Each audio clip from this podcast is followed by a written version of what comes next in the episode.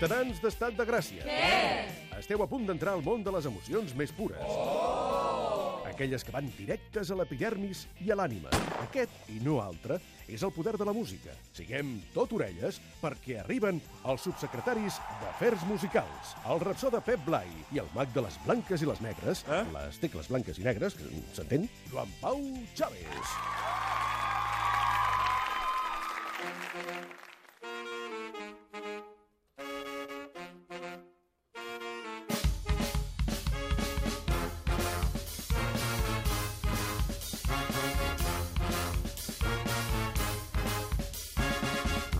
I si amb motiu de l'arribada dels tres reis mags de l'Orient ens vam inventar la secció dels tres reis indiscutibles de la música moderna, no podríem ser menys, i ara cal assenyalar les tres possibles reines. Atenció que no serà fàcil trobar quòrum. Bona tarda, Joan Pau Chaves, com estàs? Bona tarda, president. Bona tarda, Pep Blai. Bona tarda, president. Els nostres subsecretaris de la música l'altre dia eh, van proclamar eh, reis indiscutibles eh, l'Elvis, Michael Jackson uh -huh. i Miles Davis, a través dels quals se'ns podria extreure els tres gèneres musicals probablement més rellevants del segle XX, jazz, rock i pop. Amb les reines ens passarà el mateix? Seran contemporànies, Joan Pau? Doncs procurarem que no. Crec que serà divertit perquè eh, popularment potser no està tan clar quines d'elles podrien ser la, la, la, les tres dones més rellevants de la música moderna. Difícil, difícil. Sovint hem sentit a parlar allò de les divas, les divas del soul, les divas del jazz, Sí. no? però aquí ja veurem què ens passa. Home, i és que jo el que trobo és que les divas normalment acostumen a ser intèrprets. És veritat, I això. potser aquí el que buscarem serien dones completes, dones que creen, dones que fan lletres, dones que fan cançons, que composen, és a dir, superdones. Volem fer un homenatge a les superdones. Com un record d'infantesa, sempre recordaré la Teresa ballant el vals. Potser fos un El gran Ovidi Montllor homenatjava una gran dona, la Teresa. Estava ple de superdones, les, les, les cançons catalanes, i m'encanta la Teresa, que era superforta. Era la boja del poble en temps de postguerra, la que ensenyava als nens tot el que calia saber sobre el sexe, perquè a casa i a l'escola estava prohibit. Aleshores els nens anaven amb ella en el temps lliure sense que ho sapiguessin els pares i ai, tot el que els hi ensenyava, no? Superdones, grans dones. Anem a superdones, doncs. Quina seria la primera de les tres reines? Ja us hem dit que seria complicat escollir, però va, ho intentem. Va, sí, sí. Uh, mira, ja que estem ambientats en aquest uh, regustet de cabaret, de l'homenatge a Teresa, és de justícia poder fugir una mica d'aquest gran reialme del pop que sempre, no?, sempre ens hi tirem de cap, per destacar la, relle- la rellevància de la cançó d'autor en la música moderna. I ja que hi som, no em digueu que no seria dient proclamar la primera reina Lady Piaf. Non, rien de rien. Non, je ne regrette rien. Ni le bien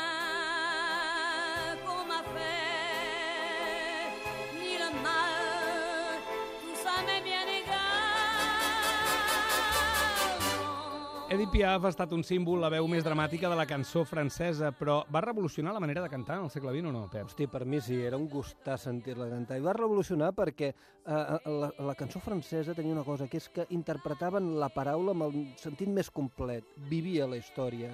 Eh, cada vers el declamava en funció del, de, del que estava dient. Mai repetia l'estrofa d'una mateixa manera, ni la tornada, no?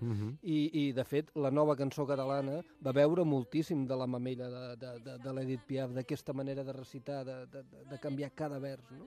És, és algú com el Frank Sinatra amb el My Way que canta al final de la vida, que no se'n penedeix de la vida que ha portat, no? Eh, Sí, és, és, aquesta cançó, no gener, gener, regret... És difícil, eh? És difícil, eh? I totes les R's aquestes, sí, que allò és un desastre. Però, bueno, aquesta cançó és molt bonica perquè la Piaf reflexiona sobre tot el que ha fet la seva vida, igual que el My Way, no? Sí, és així. Però I- quina i vida diu va no portar se'n tan dura? Clar, mm, és que és molt bèstia, perquè o sigui, ja d'entrada la pobra va néixer al carrer sota un fanal mentre el seu pare estava emborratxant-se pels puestos. Vull dir, o sigui, una cosa d'aquelles ja lamentable. Hi ha, un, sí, sí, hi ha un, una placa que posa el fanal, exacte on va néixer, no?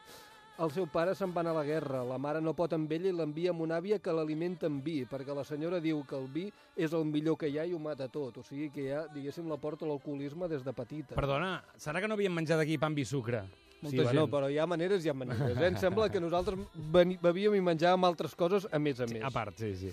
Però en tot cas, després acabat va anar a parar a casa de l'àvia paterna, que era una casa de prostitució que regentava l'àvia. És a dir, que ho va veure tot, fins que al final el pare se la van portar a un circ i allí comença a cantar. I acaben els dos pels carrers de París cantant, etc etc. La descobreixen i, eh, clar, té una vida plena d'amors, de pujades al cel, de baixades a l'infern i al final enganxada a la morfina. És a dir que... Toma. Però jo, ella, no se'n penedeix de res perquè ho ha viscut tot molt intensament. Doncs hauríem de declamar una mica què diu exactament eh, la Piaf, el, gene... bueno, el res de res.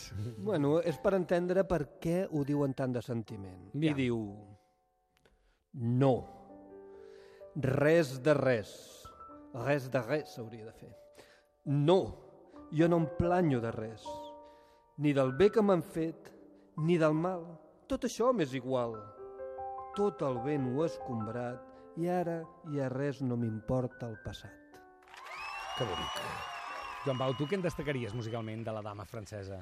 Doncs mira, un dels detalls que a mi em crida l'atenció especialment en moltes de les cançons de, de l'Edith Piaf eh, són aquests canvis de moviment que hi ha entre les parts o seccions de les cançons, bàsicament entre les estrofes i les tornades.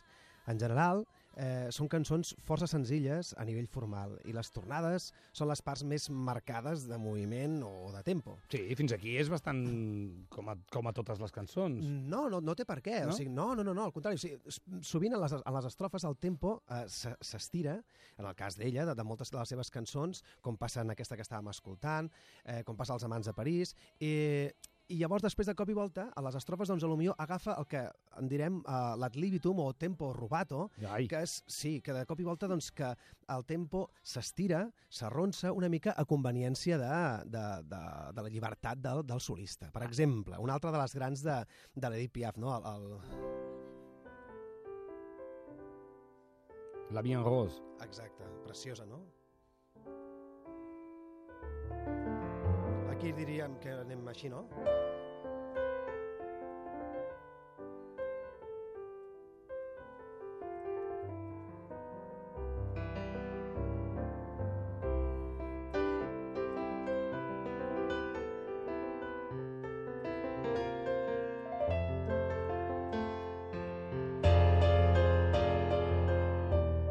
Aquí seria el moment dramàtic, no?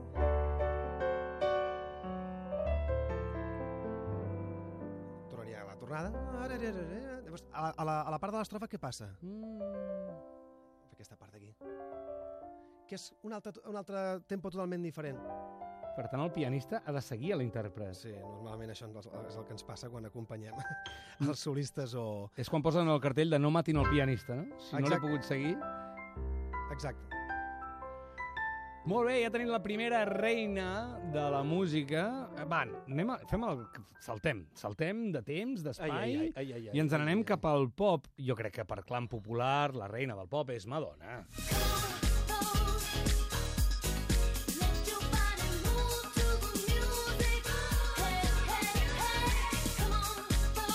Madonna és la gran estrella del pop de tots els temps, camaleònica, capaç d'envoltar-se dels millors músics i productors. No sé, com a creadora, eh, com a intèrpret, o... Per què la valorem tant, a Madonna? Jo crec que perquè ho ha, ho ha barrejat tot. I ha sapigut rodejar-se dels millors en tots el, el, el, el, els seus àmbits i al seu voltant.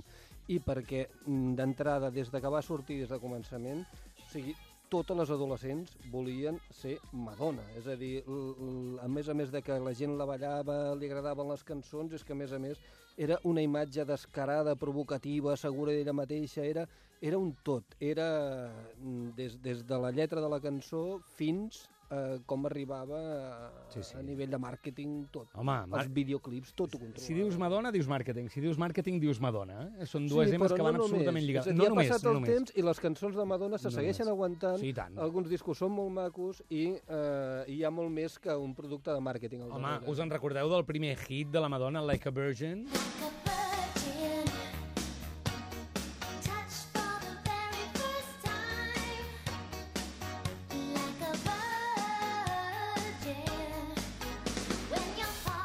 Tu què diries, Joan Pau, de la reina del pop, musicalment? Doncs musicalment la Madonna destaca per la seva persistència en la música de ball i ho hem vist sempre, no?, en totes les coreografies dels concerts, els videoclips, des dels 80s fins als darrers discs. Eh, I com a tal, la seva música és seqüenciada, no?, música Clar. de ball seqüenciada.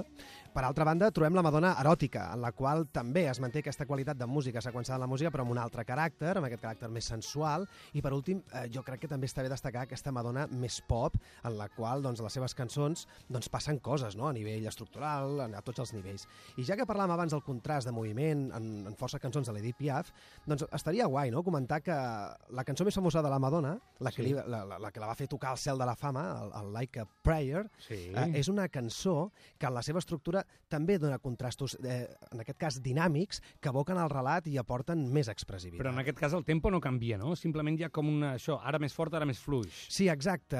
Es trenca, a veure, es trenca el grup de la tornada, que és com molt marcat i que és, que és així, més, més vuitanter, més, més, més ballable. Es buida la instrumentació i apareix un cor de veus fent un background o coixí harmònic així amb un regust, amb un regust a gospel Mm. per acostar-se tot plegat a aquest clima místic religiós. No? Ella canvia les frases melòdiques, que a l'estrofa eh, eren més curtes i que fan més èmfasi al, al relat i en la progressió d'acords. I hi ha una certa inèrcia cap al color menor, mentre que la tornada té, tot, té un, tot té un color més major. No? Fes, fes el favor de que ho entenguem amb les tecles. Ah, les, les, les tecles. Aquí seria la cosa de la... el pont, no?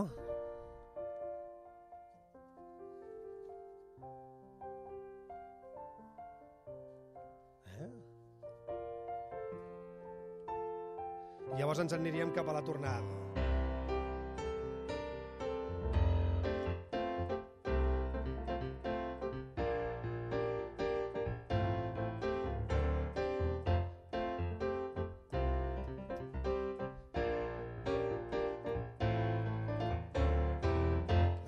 Altra, té una altra moguda, això, no? Pam, passa de suau a fort i després de fort a suau. Exacte. Un altre cop. aquesta cosa. I fixa't que aquí ens anem cap aquí. Aquí ja es torna com a menor, no? Amb aquell cor de veus allà aguantant, mentre que l'altre és super... L'explosió. Exacte. Ja tenim dues reines, Edith Piaf i Madonna, eh, cançó d'autor, cançó pop. I, eh, no sé si hauríem d'anar al rock o on hauríem d'anar exactament, perquè, clar, ara podríem parlar de Patti Smith, podríem parlar de Janis Joplin, Mhm. d'Amy Winehouse, Mm. però Jo sembla... volia anar a la clàssica. Jo, jo, jo volia convèncer-vos de que anéssim a la Maria Callas, Home, que per mi és la gran enorme, estrella Enorme. Va viure una vida més rockera i més popera que la majoria de les dones del rock, però no em vau deixar perquè no composava O la Billie Holiday, per què no? Per què no? Déu-n'hi-do, una altra, una altra. La vida de Maria Callas un dia n'hauríem de parlar, no? Trobo que ha de tenir una biografia apassionant, no? Bestial. I a més a més la recomano, hi ha una biografia publicada a Random House Mondadori, que és una meravella, el llibre en si, i és tota la història d'ella, i és boníssima, és boníssima. Doncs mira, saps què? Has dit Maria Callas? Maria Callas. Doncs no te la comprem. Oh. Ah. Avui la secció es diu... Maria Callas. Maria Callas. Pep Blai. Calles i en dius una altra. Uh, si vam decidir la setmana anterior que Miles Davis era un dels tres reis per com canviava el curs del jazz, qui podríem, qui podríem fer de... Va, que no sigui ni rock ni música clàssica, sinó Difícil. música contemporània, música gairebé electrònica, mu... realment que hagi fet un gir a la música. Jo crec que si algú ha marcat seria la Bjork. I potser no és, no és tan, tan, tan, tan famós a nivell comercial, que jo crec que cada vegada ho és més i és molt, però ha marcat un abans i un després en les músiques alternatives.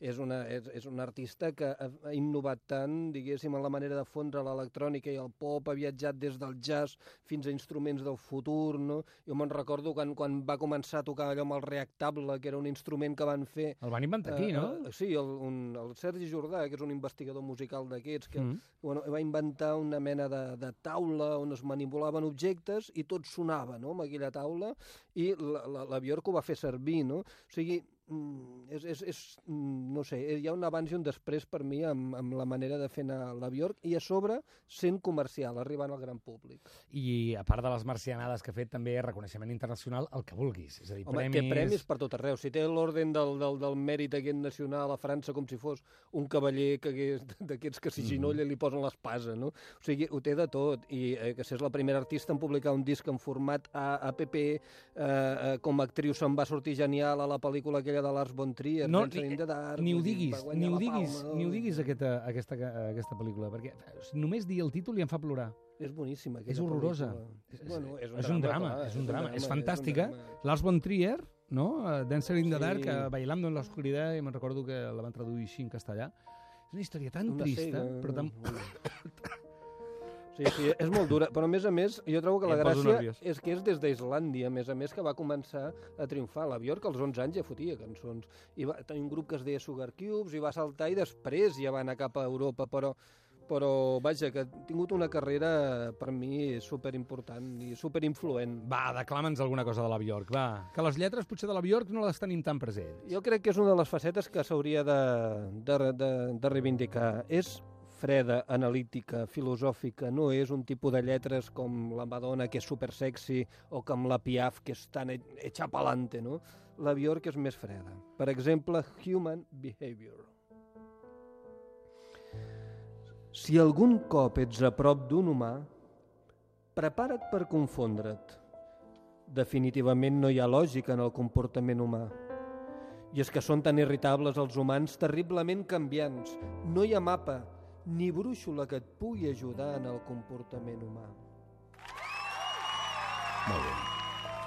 Oh, Maco, molt maco, eh, molt és maco. massa intel·lectual. No, no, no, no, el president Va, hi arriba, el és president David hi arriba. Bisbal, no és David Bisbal, ni la Xenoa. No, home, no és Ave Maria, no. Va, Joan Pau, colofó, tanquem-ho musicalment. Doncs escolta'm, per parlar del món musical o sonor de la Bjork és realment endinsar-nos en, en un univers insospirat, no? Segons com, les textures que fa servir gairebé sempre fent-se servir de l'electrònica barrejada amb la seva inconfundible veu, eh, on a part del, del timbre, aquesta cosa que, que té ella quan canta, doncs el caràcter que utilitza, no? Eh, per a cada història que és totalment genuí.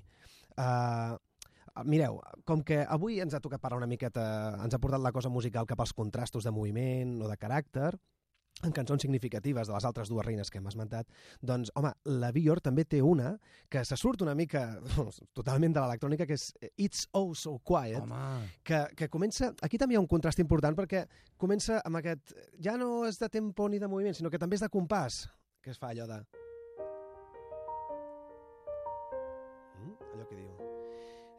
Fent... Shhh, it's so, so quiet.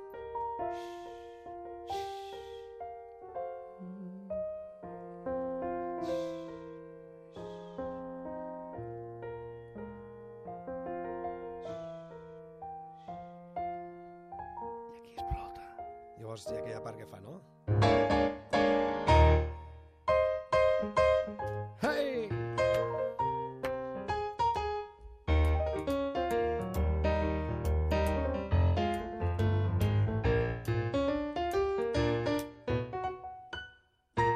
I torna a començar, no?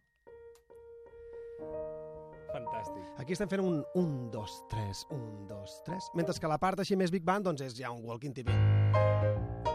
I estem amb el 4-4 de, de sempre, no?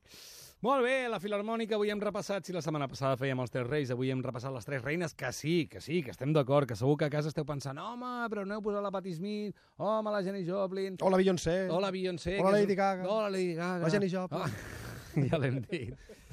Però aquestes són les tres que ha decidit la Filarmònica, ja sabeu que sempre escollir és difícil, hi ha hagut gent fantàstica, fantàstiques superdones, Edith Piaf, Madonna i la Bjork, i, evidentment, eh, dues superestrelles, els dos reis de la casa. Moltes gràcies, Joan Pau. Gràcies a tu, president, gràcies, a vosaltres. president. I el Pep Blai també, va. Una abraçada. Hi ha estats totalitaris, democràtics, confessionals i aconfessionals, estats-nació i nacions sense estat. Hi ha ciutats-estats, estats fallits, i n'hi ha que estan plens de gràcia, com aquest que escoltes cada tarda de 4 a 7 a Catalunya Ràdio. L'estat de Gràcia, amb en Roger. De Gràcia, clar, doncs si no.